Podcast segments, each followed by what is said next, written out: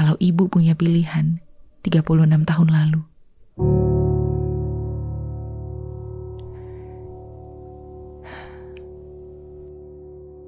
Tempo hari, ayah dan ibu heboh membahas perceraian anak perempuan dari teman kumpul-kumpul mereka. Si perempuan sudah punya satu anak, lima tahun usianya. Lalu desas-desusnya perempuan itu berselingkuh. Dan setelah ketahuan, malah memilih bercerai dengan suaminya. Ayah membara di depan ibu dan teman kumpul-kumpulnya. Perempuan macam apa? Katanya udah punya anak, selingkuh, dia pula yang menceraikan suaminya. Saat itu ibu hanya tertawa. Ia menggelengkan kepalanya lalu menimpali dengan ringan. Kejadiannya hampir sama kan dengan kita 36 tahun yang lalu? Bedanya cuma satu. Perempuan itu punya pilihan, aku tidak.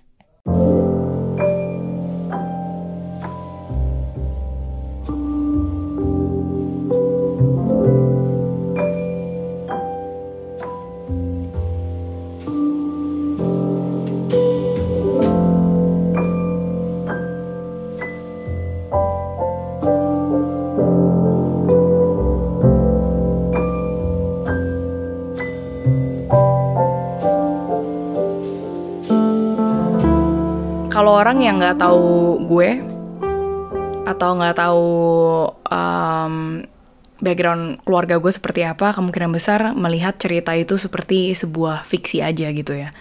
Karena ya terlalu fucked up dan terlalu susah untuk dipercaya bahwa ini kejadian nyata. But that's what happened gitu. Uh, bokap gue memang selingkuh dan bokap gue memang tidur sama adiknya nyokap gue. Tapi versi lengkap dari tulisan ini bisa kalian dengerin di podcast Suara Puan karena Stefani Chandra udah membacakan dan juga merilis tulisan ini di hari Rabu kemarin. Jadi tadi kan di awal kalian udah dengerin ya cuplikan episodenya gitu. Dan setelah ini kalian bisa langsung cari episode di podcast Suara Puan yang berjudul Kalau Ibu Punya Pilihan 36 Tahun Lalu. Oke. Saat gue nulis itu ya, gue sempet ragu sih, udah pasti gitu. Tapi alasan gue akhirnya mau tetap lanjut nulis dan rilis ini adalah um, waktu beberapa minggu lalu nyokap nginep di rumah gue gitu. Dan akhirnya uh, nyokap gue tahu soal isu gue sama bokap. Dan gue ceritain ini di episode uh, shit gue lupa episode berapa tapi either episode 42 atau 43 pokoknya tentang uh, alasan kenapa gue mau cut kontak sama bokap. Anyway, um, gue akhirnya cerita ke nyokap gue dan kesimpulannya adalah gue ngomong sama nyokap bahwa gue memutuskan untuk jaga jarak setidaknya sama bokap karena gue ngerasa cara pandang bokap gue dan cara dia melihat seorang perempuan itu sangat bertolak belakang dengan gue. Uh, ada beberapa orang yang bisa hidup dengan kenyataan bahwa orang tuanya ya emang cara pandangnya seperti itu gitu ya. Tapi kalau gue nggak bisa, karena uh, gue merasa kalau lu siapa pun itu ya, nggak cuma orang tua, kalau lu uh, masih menghargai gue cuma karena ya gue perempuan gitu. Ada embel-embel masih perempuannya gue bukan manusia seutuhnya. Ya susah. Apa pun yang gue lakukan pilihan apa pun pilihan hidup apa pun yang gue laksanakan itu akan selalu salah. Dan uh, saat gue ngomong itu sama nyokap intinya banyak isu-isu di dalam keluarga yang lainnya gitu ya antara bokap dan nyokap. Tapi the point is dari obrolan itu yang sangat-sangat strike me most adalah saat nyokap cerita ke gue bahwa uh, nyokap gue nangis beberapa hari sebelum dia nginep ke rumah gue. Nyokap gue nangis dan dia bilang sama gue gitu, dia bilang, kenapa ya mama tuh lagi nonton TV kan ya? Terus tiba-tiba tuh mama nangis aja gitu. Kayak mama nggak tahu nangisnya tuh kenapa. Tiba-tiba nangis aja. dan um, itu terjadi dua kali dalam ya dalam dua hari gitu lah ya. Um, setelah kita ngobrol-ngobrol-ngobrol gue cuma bilang ya mungkin mama merasa kosong sih gitu. Ya nggak tahu kosong apa ya. Yang pasti badan mama udah nggak bisa bohong. Ya jadi nangis gitu. Terus uh, nyokap akhirnya mengambil kesimpulan bahwa iya sih gue ngerasa kayaknya hampa aja gitu. Kayak gue ngerasa hidup gue emang kayak gini aja gitu ya. Kayak udah tua gue gedein anak gue um, ngelayanin suami anak gue udah gede-gede semua. Terus kayak that's it like gitu aja gitu. That's the end of it. Nggak ada yang lain gitu. Uh, dan nyokap gue itu memang seseorang yang menurut gue bisa diajak ngobrol kritis uh, kritis dalam artian dia tahu dia memang bukan orang yang pendidikannya tinggi. Tapi dia tuh mau belajar dan dia mau coba denger hal yang baru gitu loh. Bener-bener emang dari hatinya tuh penasaran. Jadi di mata gue obrolan kita yang kemarin itu soal perempuan, soal siapa lu sebagai perempuan itu tuh dalam banget dan cukup mudah untuk bikin nyokap gue paham gitu posisi gue dan juga posisi dia. Um, intinya dari situ gue bener-bener kepikiran terus sih selama seminggu itulah. Itu pertama kalinya gue lihat nyokap gue nangis dan mengakui gitu. Dia mengakui bahwa dia nangis karena dia berasa hampa gitu kan. Kesimpulannya sebagai ya role dia sebagai ibu dan juga istri gitu ya di saat itu gue ngerasa kedewasaan kita berdua tuh udah ketemu sih. Di mana kita ngobrol udah bukan kayak ibu dan anak lagi gitu ya. Bukan ibu yang mengeluh ke anaknya bukan anak yang berusaha mendengarkan ibunya tapi lebih ke kita tuh perempuan weh. Kayak have we ever asked this role? gitu. Lebih kayak gitu ya uh, dan dari situ gue mikir gitu. Uh,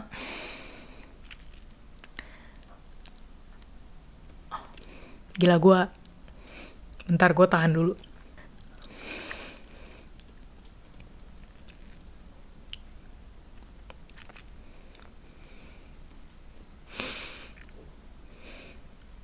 Dari situ gue mikir gitu what can I give to my mom. Uh, dari situ gue tahu gitu, gue nggak bisa membahagiakan nyokap dari segi finansial gitu ya. Gue nggak bisa ajak dia jalan ke mana-mana. Um, nyokap gue pun juga orangnya ya sederhana-sederhana aja gitu. Jadi gue rasa um, the only thing yang bisa gue lakuin adalah gue memberikan yang terbaik yang bisa gue lakukan dari talenta terbaik gue yaitu menulis dan speak up. Mumpung gue juga ada wadahnya. Karena gue percaya bahwa nyokap gue nggak perlu baca nih tulisan. Udah pasti nyokap gue freak out. nyokap gue tuh uh, takutan banget kayak um, orang mikir apa gitu-gitu lah ya. Tipikal mama gue rasa.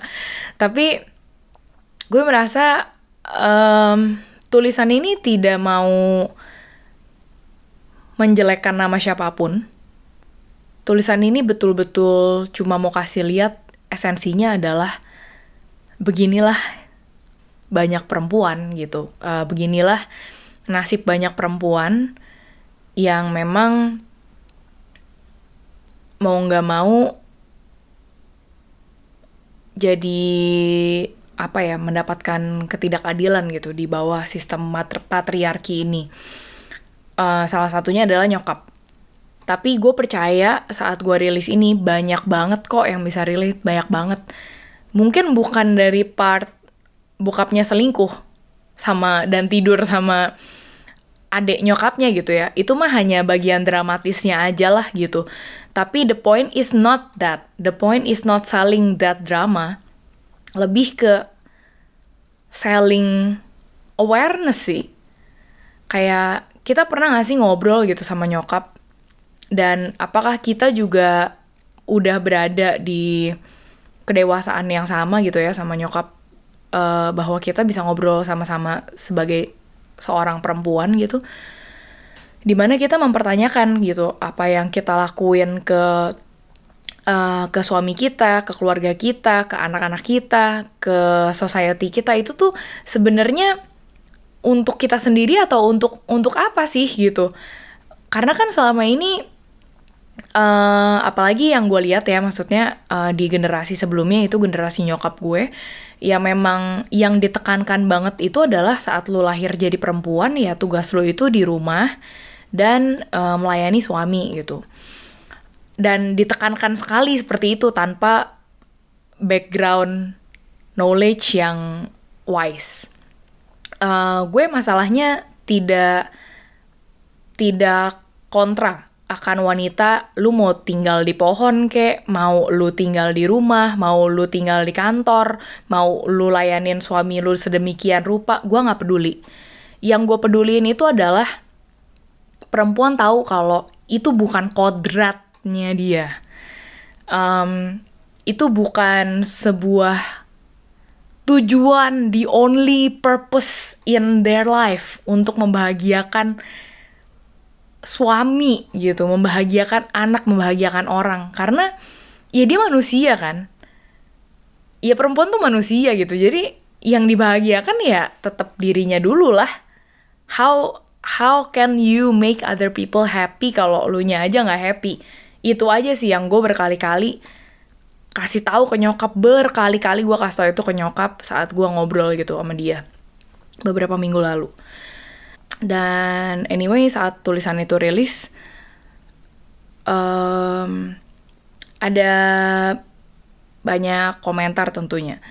Uh, dan banyak komentar itu baik memang memuji uh, kehebatan seorang ibu, kehebatan nyokap gue, ke kesabaran, kekuatan, ketabahan, and all that kind of stuff lah ya. Tapi gue jadi berpikir sesuatu nih.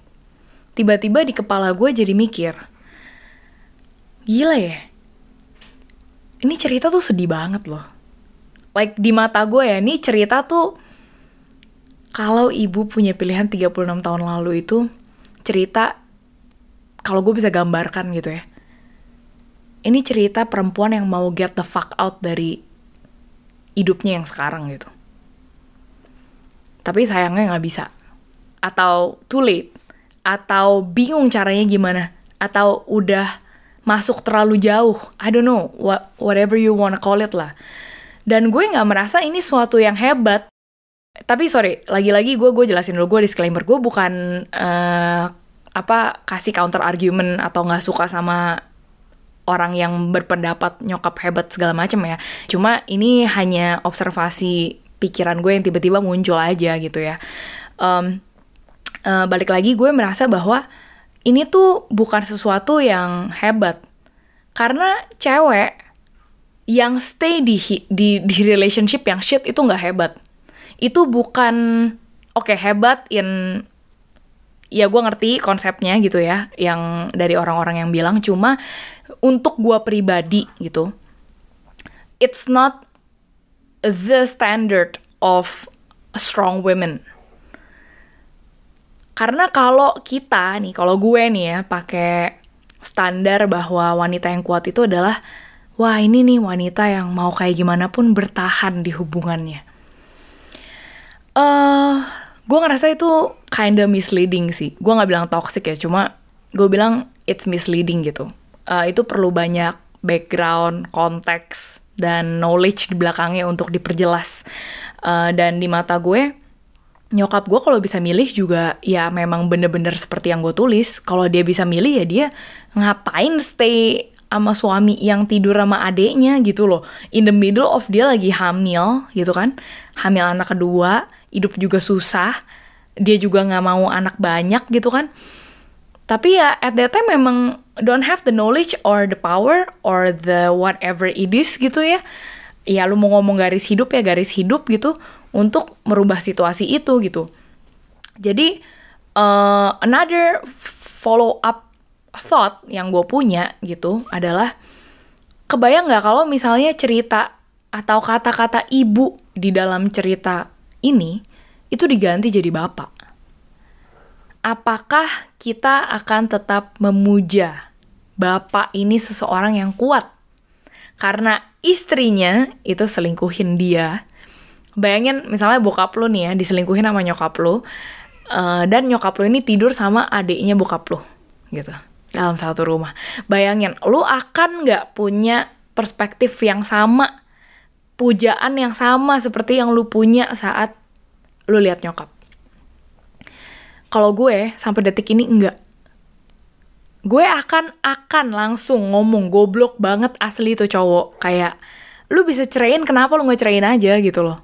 That's that's the easiest way kayak as if lo nggak ada pilihan anjrit gitu sampai detik ini loh kalau gue denger itu dan itu yang give me chills. Itu yang bikin gue mikir gila cuy. Gue masih segitunya juga mikir bahwa cowok itu memang ya memang nggak apa-apa lah kalau misalnya melakukan apa pun yang dia mau di relationshipnya di marriage-nya gitu. Nggak usah mikirin apa-apa. Tapi kalau cewek lebih banyak consideration gitu. Nah, itu kan berarti pertanyaan ya di, di diri gue sendiri gitu kayak berarti gue masih mikir bahwa cewek itu ya kekuatannya tanda kutip itu dilihat dari segi relationship. Gimana lu bertahan kasarnya di relationship atau marriage yang sampah gitu ya. Kan kelihatan kayak aduh tabah banget ya demi anak-anak.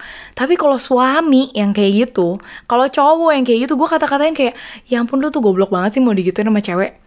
Jadi seakan-akan nih, gue men memang menempatkan cowok itu bukan seakan-akan lagi. Memang gue berpikir sepi, seperti itu unconsciously gitu. Bahwa cowok memang derajatnya udah udah of course lah jauh lebih tinggi daripada cewek gitu.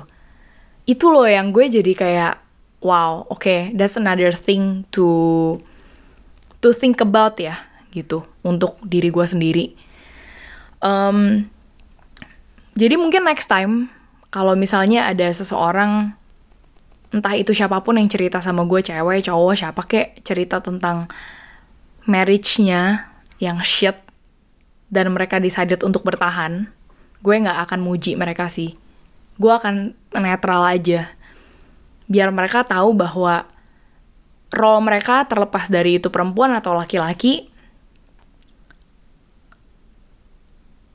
standarnya itu standar kekuatan mereka standar mereka dipuji oleh society at least dari gua bukan dengan lo bertahan di relationship yang uh, tidak menghargai lu ya sebagai manusia gitu.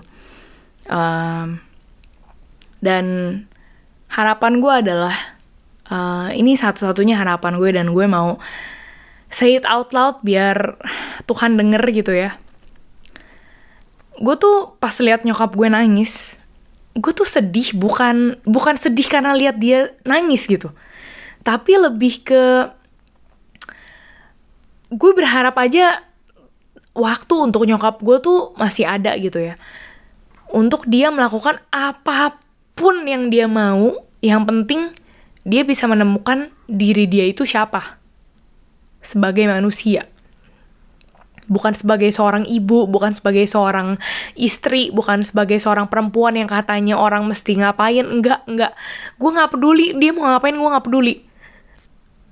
Yang gue harapkan hanyalah di usia dia yang udah makin menua, gue berharap Tuhan gak kasih dia panjang umur. Tapi gue berharap Tuhan kasih dia kesempatan sebanyak-banyaknya untuk dia nyicipin apa yang mau dia cicipin sebagai seorang manusia gitu. Yang tujuannya adalah dia jadi ngerti kalau dia tuh hidup di dunia bukan cuma buat gedein anak doang. Hidup dia itu bukan cuma buat manasin makanan buat suami lu kalau suami lu pergi keluar kota. Hidup lu itu bukan hidup lu itu bukan cuma buat nungguin suami pulang dari kerja lalu lu melayani dengan senyum ramah and whatever shit. Bukan itu gitu, walaupun itu juga baik. Tapi tugas lu bukan itu di dunia. Dan gue berasa umur panjang seseorang itu nggak ada gunanya kalau dia itu belum mengerti arti tujuan hidup dia tuh di dunia tuh apa. Karena ada gunanya nggak kalau nyokap gue hidup umurnya sampai 100 tahun misalnya. Atau nyokap lu lah gitu ya. Atau siapa pun orang yang lu harap hidup seumur sepanjang-panjangnya. Tapi mereka tuh hidup kayak robot. Mereka tuh hidup nggak ngerti ini hidup gue mau ngap mau gue apain sih hidupnya gitu ya itu sih yang gue berharap kalaupun nyokap gue mati tahun depan kek dua tahun lagi kek umurnya pendek terserah deh Tuhan mau ngapain gue berharap dia punya sisa waktu hidup yang sangat berkualitas gitu and knowing that whatever yang dia go through uh, itu bukan jadi the only standard dia kuat itu aja sih yang gue berdoa banget, gue berharap banget. Dan gue tahu Tuhan denger doa gue yang satu ini.